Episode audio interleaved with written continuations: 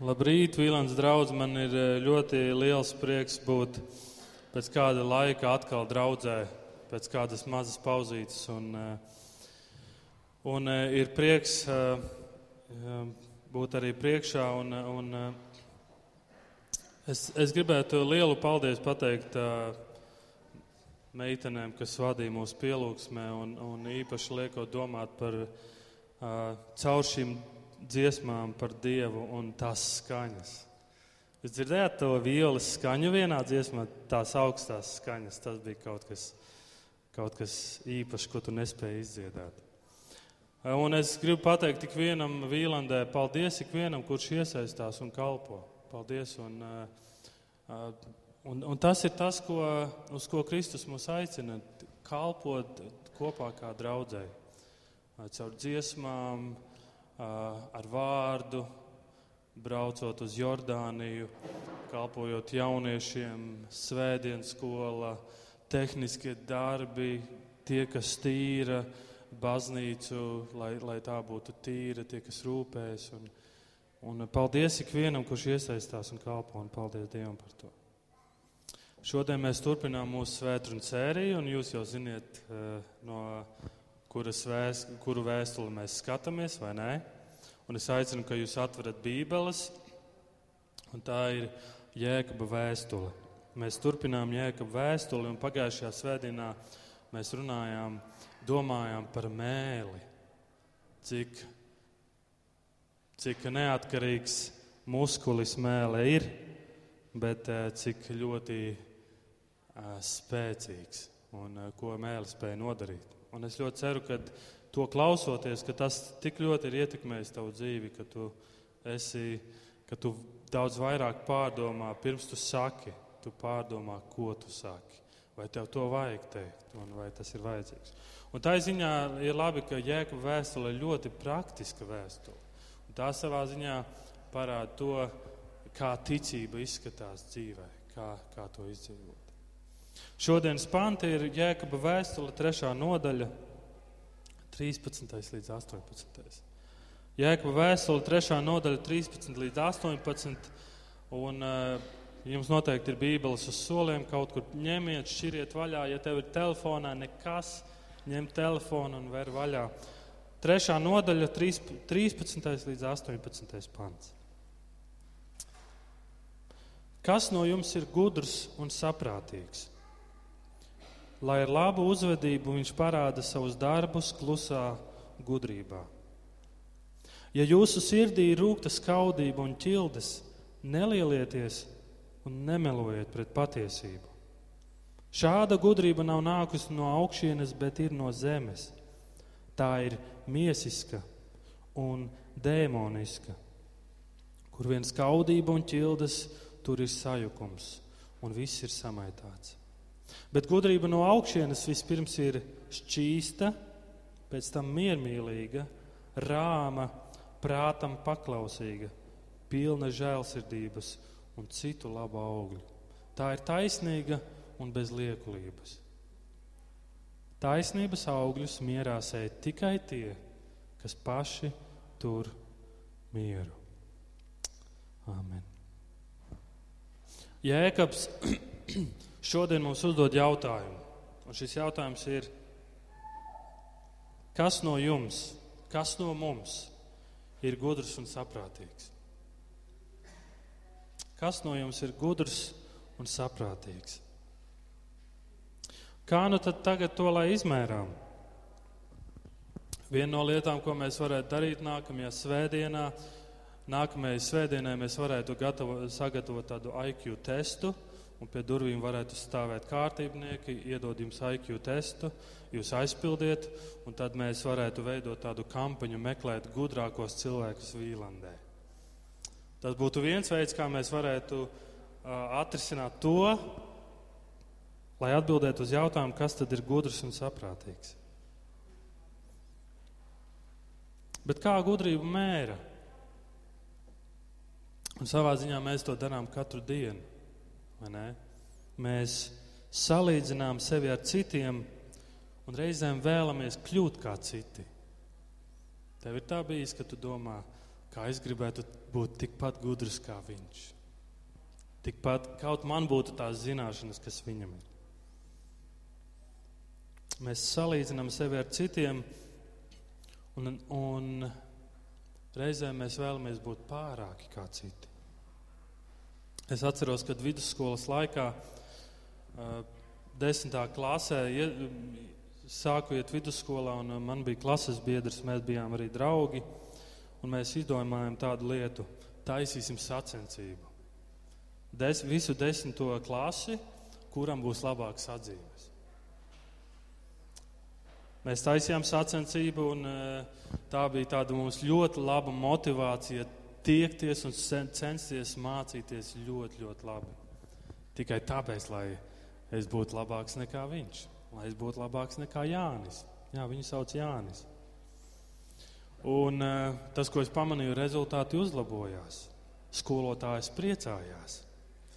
Jānis un Raimons, viņiem tur kaut kas ir, un, un tur redz, kādi ir rezultāti, un, un maleči tā turpināt. Bet tam bija arī blakus efekts mēs sākām kļūt skaudīgi. Man, man eh, nevisai labi. Uh, man likās, ka man gāja labi sacerējumos, bet man vienmēr bija zemes atzīmes. Un tad, kad man kādā ieskaitā bija uh, labāka atzīme nekā Jānim, jo Jānim parasti bija labas atzīmes sacerējumos, tad viens no viņa izteicieniem bija: Ko? Loginam? Kā tas iespējams? Kā tas iespējams, ka viņam ir labāka atzīme sacerēmē nekā man? Jautājums, ko, ko mums ko uzdeva, ir jautājums, ko uzdod Jēkabs. Jēkabs ir Jēzus pusbrālis. Viņš ir arī skolotājs, viņš ir rabīns. Un viena lieta, ko rabīni labi dara, viņi uzdod jautājumus. Kas no jums ir gudrs un saprātīgs? Ko mēs atbildēsim? Kā mēs varētu atbildēt? Mēs varētu vilkt ārā savus doktora grādus, savus grādus, ko mēs esam ieguvuši, un rādīt un teikt, paskaties, es esmu gudrs. Vai mēs varētu sākt saukt savus skolotāju vārdus? Es mācījos pie šī skolotāja. Šis bija mans skolotājs, šis bija mans rabīns, pie viņas mācījos. Vai arī mēs varam lielīties ar saviem panākumiem dzīvēm? Vai ar savu ieņemamo amatu un teikt, skaties, ko es esmu sasniedzis. Es esmu gudrs. Bet Jēkabā atbilde ir, un pats Jēkabs arī atbild uz šo jautājumu, ko, kas no jums ir gudrs un saprātīgs. Lai labu uzvedību viņš parāda savus darbus klusā gudrībā. Un lūk, arī tāds kā tests kas atšķir patiesu gudrību no nepatiesas, miesiskas un eh, jēkabs saka pat demoniskas. Un šeit ir trīs lietas - laba uzvedība, darbi, klusa gudrība, jeb gudra lēnprātība. Minot, šo, šīs, minot šīs trīs lietas, uh, grādus, skolotāju vārdus un panākumus, Es noteikti negribu nostatīt pretstatā un teikt, tas viss ir lieki, vai tas ir demoniski, vai tas ir ļauni, vai tas ir slikti. Iegūstiet grādus, iegūstiet zināšanas. Pasakiet paldies saviem skolotājiem, jo ir svarīgi, kas ir tavs skolotājs. Un esi pateicīgs par saviem panākumiem dzīvēm jo tie kaut ko tomēr liecina. Nepārprotiet mani. Bet tāpat laikā Jēkabs saka, laba uzvedība. Un daudz jautās, vai vispār kristiešu dzīvē ir nozīme uzvedībai.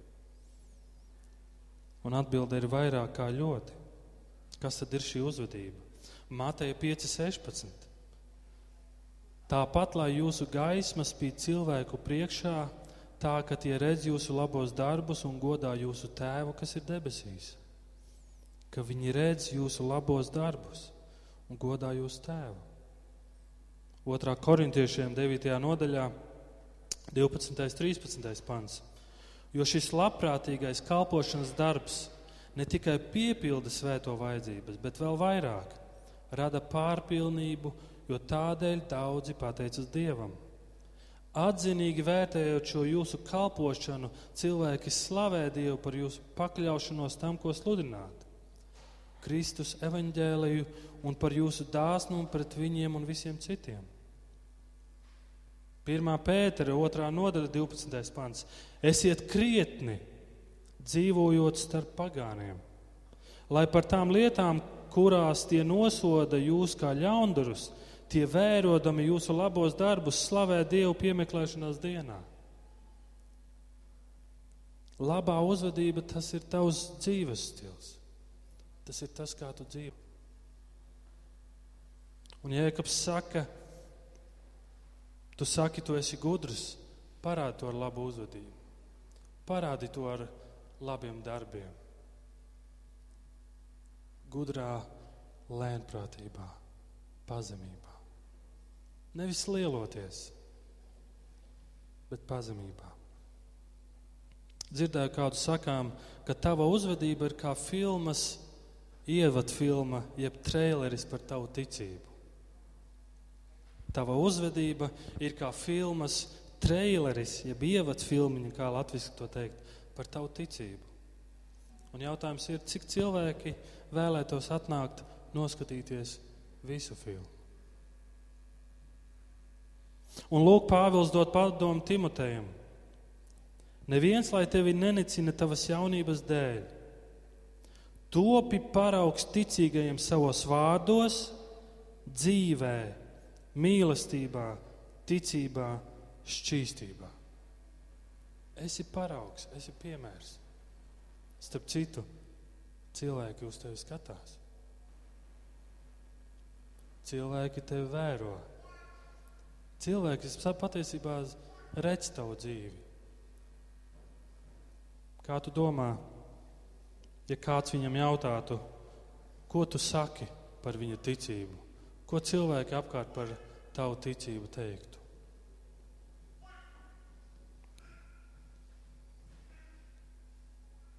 Tātad, kurš ir gudrs un saprātīgs?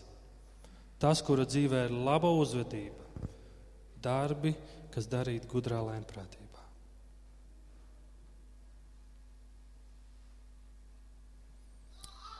Jēkaba 1. nodaļā, 21. pants saka, tādēļ atmetiet jebkuru nešķīstību un visu to, kas no ļauna vēl atlicis, un lēnprātībā saņemiet jūsos iedēstīto vārdu. Lēnprātībā saņemiet jūsos iedēstīto vārdu, kas ir spējīgs izglābt jūsu dvēseles. Tad tas, kurš saņem vārdu, tas cilvēks tiek izmainīts. Tāds cilvēks kaut ko sāk saprast. Tas, kurš saņem vārdu, sāks kaut ko saprast. Un izmainās viņa uzvedība, izmainās viņa darbi. Viņš nelielās ar darbiem, un tie tiek darīti gudrā lēnprātībā, pazemībā. Un vēl viena lieta. Dieva gudrības saka, rūpējies par citiem vispirms. Pazemībā ar labu uzvedību dari labos darbus, kas dod svētību citiem. Gudrība nav par izglītību, gudrība ir par rīcību. Gudrība tas ir arī raksturs. Reiz kāds NBA treneris teica, pievērs uzmanību vairāk savam raksturam nekā savai reputācijai. Pievērs uzmanību savam raksturam nekā savai reputācijai. Bībeli, Bībelē mēs ļoti daudz varam atrast uh, pantus un uh, uh, mācības par gudrību. Un viens no pantiem, kuru noteikti mēs daudz esam lasījuši, ir 90. psalms, 12. pants. Un šis pants skan šādi: Māci mums skaitīt mūsu dienas, kad dabūjam gudru sirdi. Māci mums skaitīt mūsu dienas, kad dabūjam gudru sirdi. Gudrs cilvēks apzinās savus ierobežojumus un, un nespēju, un tāpēc nelielās. Gud, gudrs cilvēks apzinās dzīves bēdas un arī priekus. Gudrs cilvēks apzinās, ka dzīve ir īsa, un tāpēc šim cilvēkam ir bība Dieva priekšā. Tāpēc viņš bīstas Dievu, jo viņš saprot, dzīve ir patiesībā īsa. Un gudrais Salamans savā laikā nonāca pie ļoti dziļa un vērtīga secinājuma, ka bība tā kunga priekšā ir visas gudrības sākums. Un jautājums varētu būt, Jēkab, kāpēc vispār tu raksti kaut ko tādu? Jēkabs raksta draudzēm, kas ir izkaisītas dažādās vietās. Un draudzes sastopas ar dažādiem izaicinājumiem un problēmām. Bet kas tad bija tās problēmas viņu laikā? Mēs varētu izsecināt un pieļaut, ka tur bija kādi cilvēki, kuri izrādīja sevi kā gudrus. Un iespējams viņi pat teica, ka mēs esam gudri, bet patiesībā radīja rūktu, skaudību un strīdus. Un iespējams šie bija tie paši skolotāji, kuriem bija problēmas ar mēlis kontroli, par ko runāja Markus pagājušajā reizē. Iespējams, viņi slikti izteicās par tiem, kas nepiekrita viņu mācībai.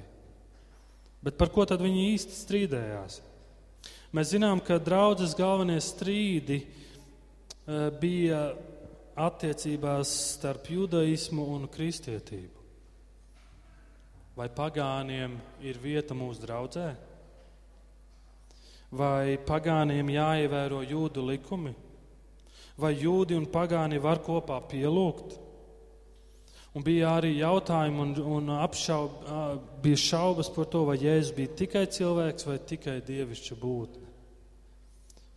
Un tur bija arī apkārt dažādas sektas, kas sagādāja grūtības un izaicinājumus draudzēji, un bija pat vietas, kur sā, tika sākta eņģeļu pielūgšana. Draudzēs bija daudz, daudz problēmas un izaicinājumu. Un mēs to galvenokārt zinām no apakstuļa Pāvila, kur viņš 2. korintiešiem 10. un 11. nodaļā runā, ka tur draudzēs ir bijuši pat tādi, kuri saka, mēs, e, kuri sevi sauc par superapustuļiem, dižajiem apustuļiem. Un tāpēc Jēkabs, un tāpēc Jēkabs saka, kurš no jums ir gudrs un saprātīgs? Jēkabs bija Jēzus pusbrālis. Un, uh, viņš noteikti ilgojās pēc Jēzus. Viņam noteikti ļoti daudz nozīmē Jēzus mācība. Un tāpēc mēs redzam, ka Jēkaba vēstule Jēkabs ir ļoti ietekmējies no tā, ko Jēzus ir teicis. Un Mateja 7. nodaļā, 15. līdz 20. pants, Kalna svētrunas daļa, un tur rakstīts, Uzmanieties no viltus praviešiem. Tie nāk pie jums avju drēbēs, taču no iekšpuses tie ir plēsīgi vilki. Jūs viņus pazīsiet pēc augļiem. Vai tad kāds lasa vīnogas no ērkšķiem vai vīģes no daļiem? Tā katrs labs koks nes labus augļus, bet nelāks koks nes sliktus augļus. Labs koks nevar nest sliktus augļus, nedz nelāks koks labus. Ikvienu koku, kas nenes labus augļus, nocērt un iemet ugunī. Tātad pēc viņu augļiem jūs tos pazīsiet. Un Jēkabs saka to pašu pēc viņu augļiem, pēc viņu dzīves, pēc viņu darbiem. Jūs tos pazīsiet. Un lūk, kā Jēzus, kā Jēkabs arī raksturo un parāda šo atšķirību starp patiesās gudrības augļiem un viltus gudrības augļiem. Jēkabs saka, ja jūsu sirdī ir rūkta skaudība un ķildes, nelielieties un nemelojiet pret patiesību. Šāda gudrība nav nākusi no augšienes, bet ir no zemes. Tā ir miesiska un dēmoniska. Kur viena skaudība un ķildes, tur ir arī sajukums un viss ir samaitāts. Viltus gudrība un tās augļi ir skaudība, strīdi, lielīšanās, meli. Tur ir sajukums, tur viss ir samaitāts. Tur ir liekulība, Tur cilvēks staigā ar divām maskām. Viņi maina maskas. Šāda gudrība ir dēmoniska, tā ir no vēlna. Un kas vēl ir rakstīts? Tā noliedz patiesību. Lūk, pasaules gudrība, lūk, pasaules vērtības. Tas ir vērstas tikai uz sevi. Un šī, šī gudrība jau, jau šī, šī neseno gudrība jau no ēdenes dārza, kur čūska meloņa teica, jūs būsiet kā dievi. Un joprojām visapkārt mēdī, televīzija, internets saka vienu lietu, reklāmas saka vienu lietu. Tu esi pats svarīgākais. Jā, tu esi svarīgs. Tas ir ļoti svarīgs. Bet tik, tik ļoti uzsvars ir uz sevi. Es esmu svarīgāks par visiem citiem.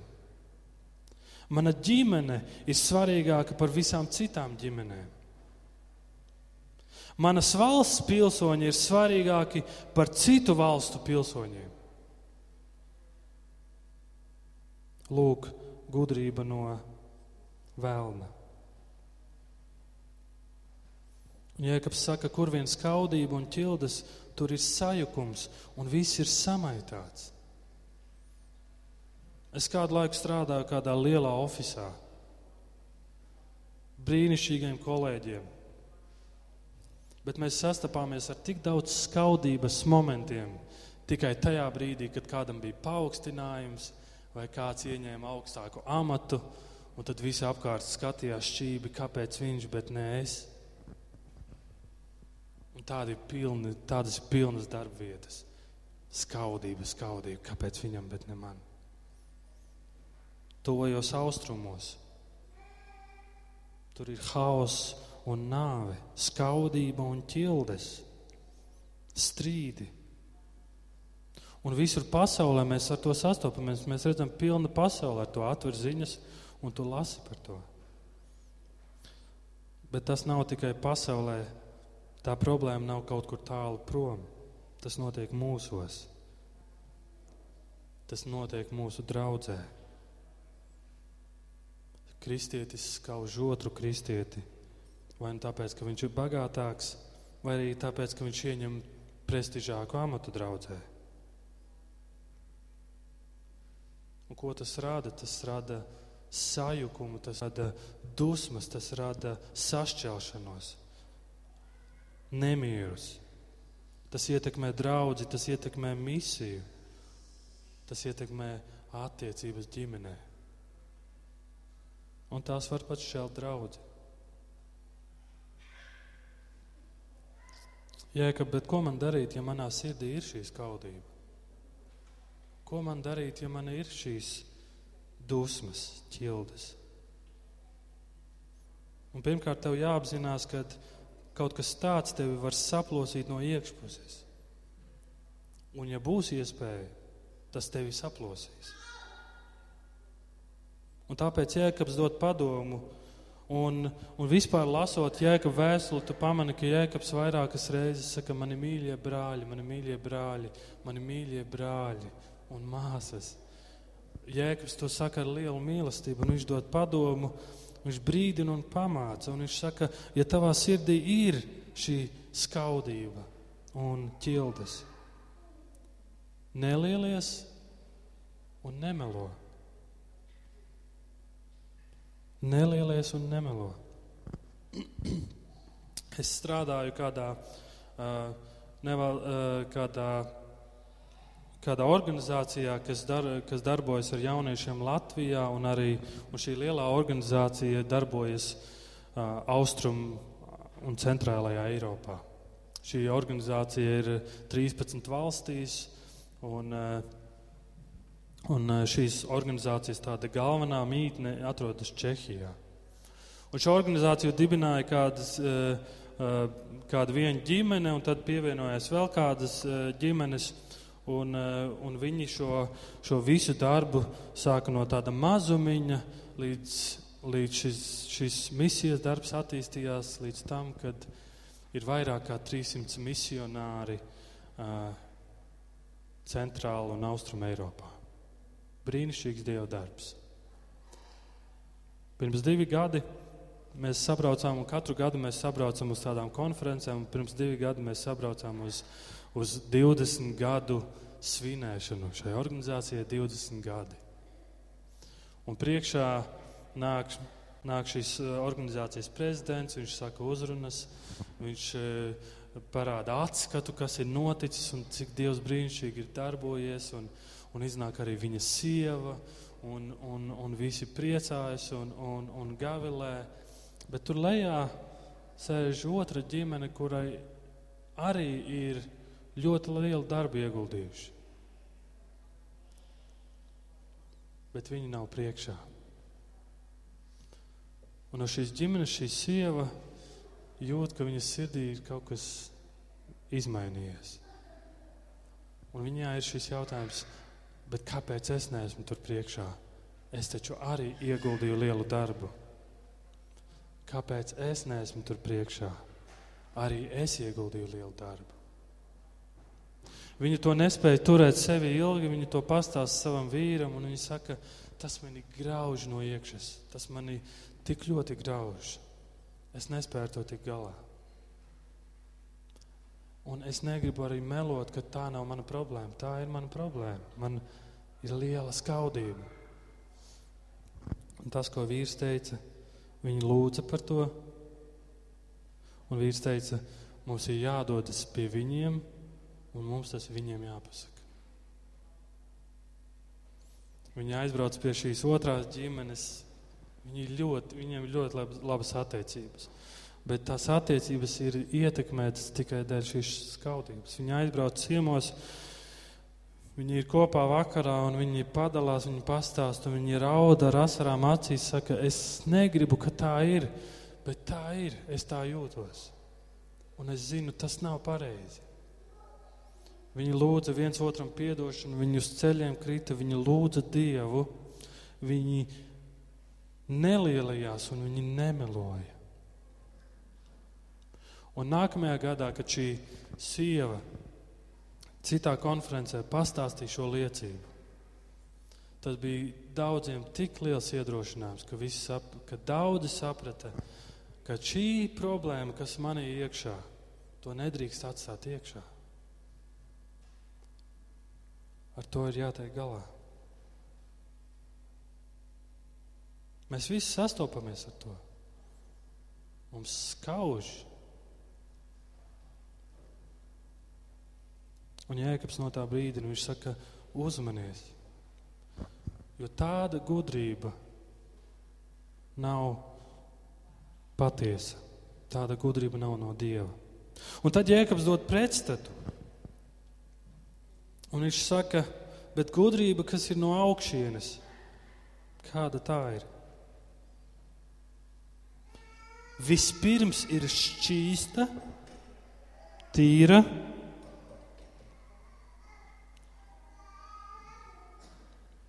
pēc tam miermīlīga, rāma, prātam paklausīga, pilna žēlsirdības un citu labu augļu. Tā ir taisnīga, bez liekulības.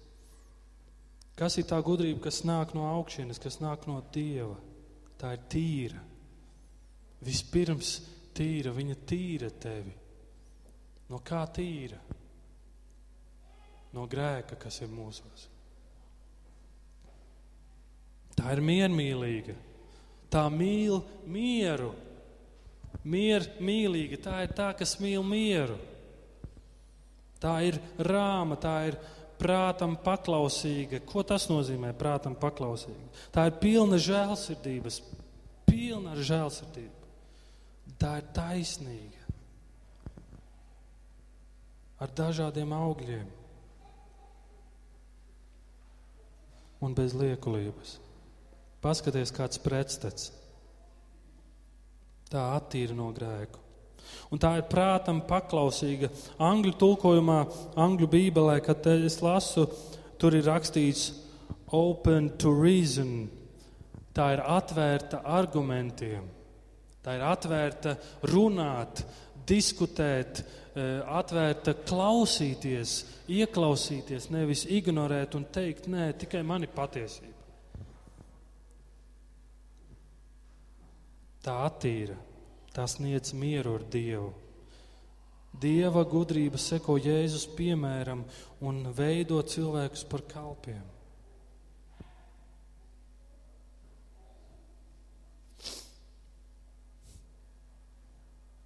Mātei 5. nodaļā mēs lasām tādus vārdus. Laimīgi garā nabagie, jo viņiem pieder debesu valstība. Laimīgi apbēdinātie, jo viņus mierinās. Laimīgi lēnprātīgie, jo viņi mantos zemi. Laimīgi izsalkušie un izslāpušie pēc taisnības, jo Dievs viņiem pa pilnam to dos. Laimīgi žēlsirdīgie, jo Dievs būs viņam žēlsirdīgs. Laimīgi sirdsčīstie, jo viņi Dievu redzēs. Laimīgi miera nesēji, jo viņi tiks saukti par Dievu bērniem. Laimīgi taisnības dēļ vajātie, jo viņiem pieder debesu valstība. Tie, kas ir saņēmuši gudrību no augšas, ir laimīgi. Un tāpēc mēs redzam tik daudz līdzības Jēkabam ar to, ko Jēzus teica. Un tad ir 18. pants. Taisnības augļus mierā sēž tikai tie, kas paši tur mieru.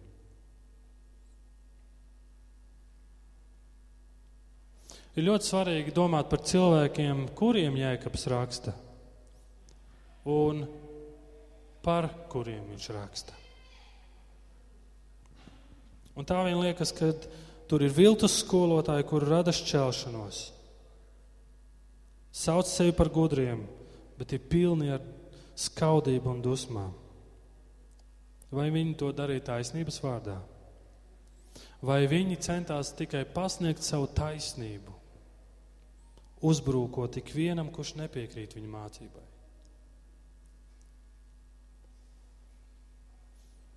Tas, ko Jēkabs vēlas pateikt, ir, ka vienīgais veids, kā sasniegt taisnību, ir radot un sargājot mieru. Esi kūtrs runāt, esi lēns runāt, ātrs klausīties un lēns dusmoties. Negrauzīsim viens otru, bet gan iedrošināsim un celsim viens otru.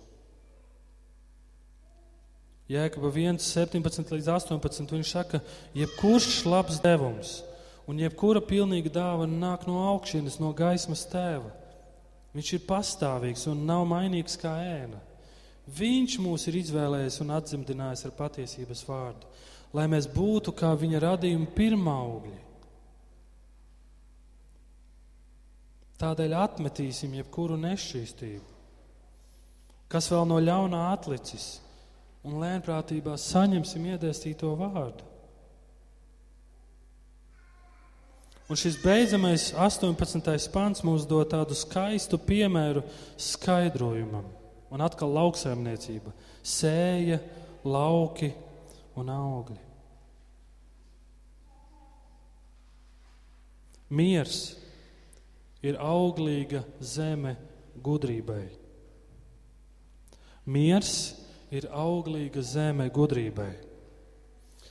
Un mēs lasām, ka Tēvs ir ielicis kaut ko mūsos. Viņš ir ielicis savu vārdu, šo dzīvības vārdu. Un zeme, kurā taisnības augļi veidojas un aug, tā zeme ir miers. Tā zeme ir miers tie, kas mieru tur. Mēs, kas turam mieru, esam tā zeme, kas, kurā tie taisnības augļi sāk parādīties un augt. Un labākais piemērs, un labākais piemērs, uz ko mēs vienmēr varam skatīties, uz ko vienmēr mums ir jāskatās, ir pats Jēzus Kristus.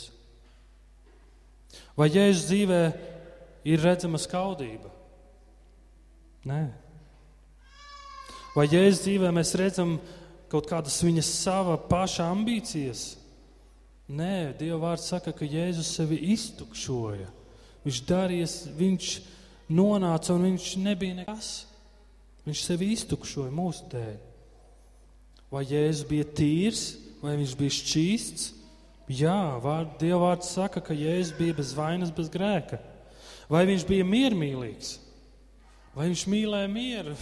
Jā. Ja es saku, Tēvs, piedod tiem, jo tie nezina, ko tie dara. Vai Jēzus bija atvērts argumentiem un sarunām? O, jā. Kungs, ja tu vēlies, saki vienu vārdu, un mans kalps tiks dziedināts. Kungs, ja tu vēlies, jā, es vēlos. Vai viņš vai Jēzus bija pilns žēlstības un labiem augļiem? Jā, Jēzus bija pilns žēlstības un labiem augļiem. Kad viņš uzlūkoja ļaužu pūļus, viņam sirds iežēlojās. Vai Jēzus bija taisnīgs? Jā, Nikodēms, sieviete pie akas, caķējs, bagātais jauneklis. Lūk, mūsu piemērs. Lūk, taisnības pilnība. Ja mēs nākam pie viņa un lūdzam pēc taisnības un taisnošanas, gudrība tiks sēta mūsu sirdīs. Un Jēkaba vēstulē pirmajā nodaļā, piektajā pantā ir rakstīts, bet ja kādam no jums trūks gudrības, lai viņš to lūdz no Dieva, kas labprāt dod visiem, neko nepārmēsdams, un viņam tiks dots. Ja tev trūks gudrība, lūdz to no Dieva. Un gudrība tiks sēta mūsu sirdīs.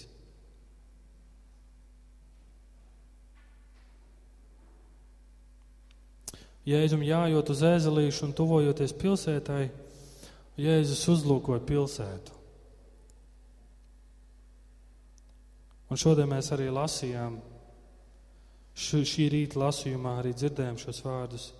Kad viņš pienāca tuvāk pilsētai, uzlūkojas to, viņš sāka raudāt, sacīdams: Ak, kaut tu šodien būtu sapratusi, kas tev, kas nes tev mieru.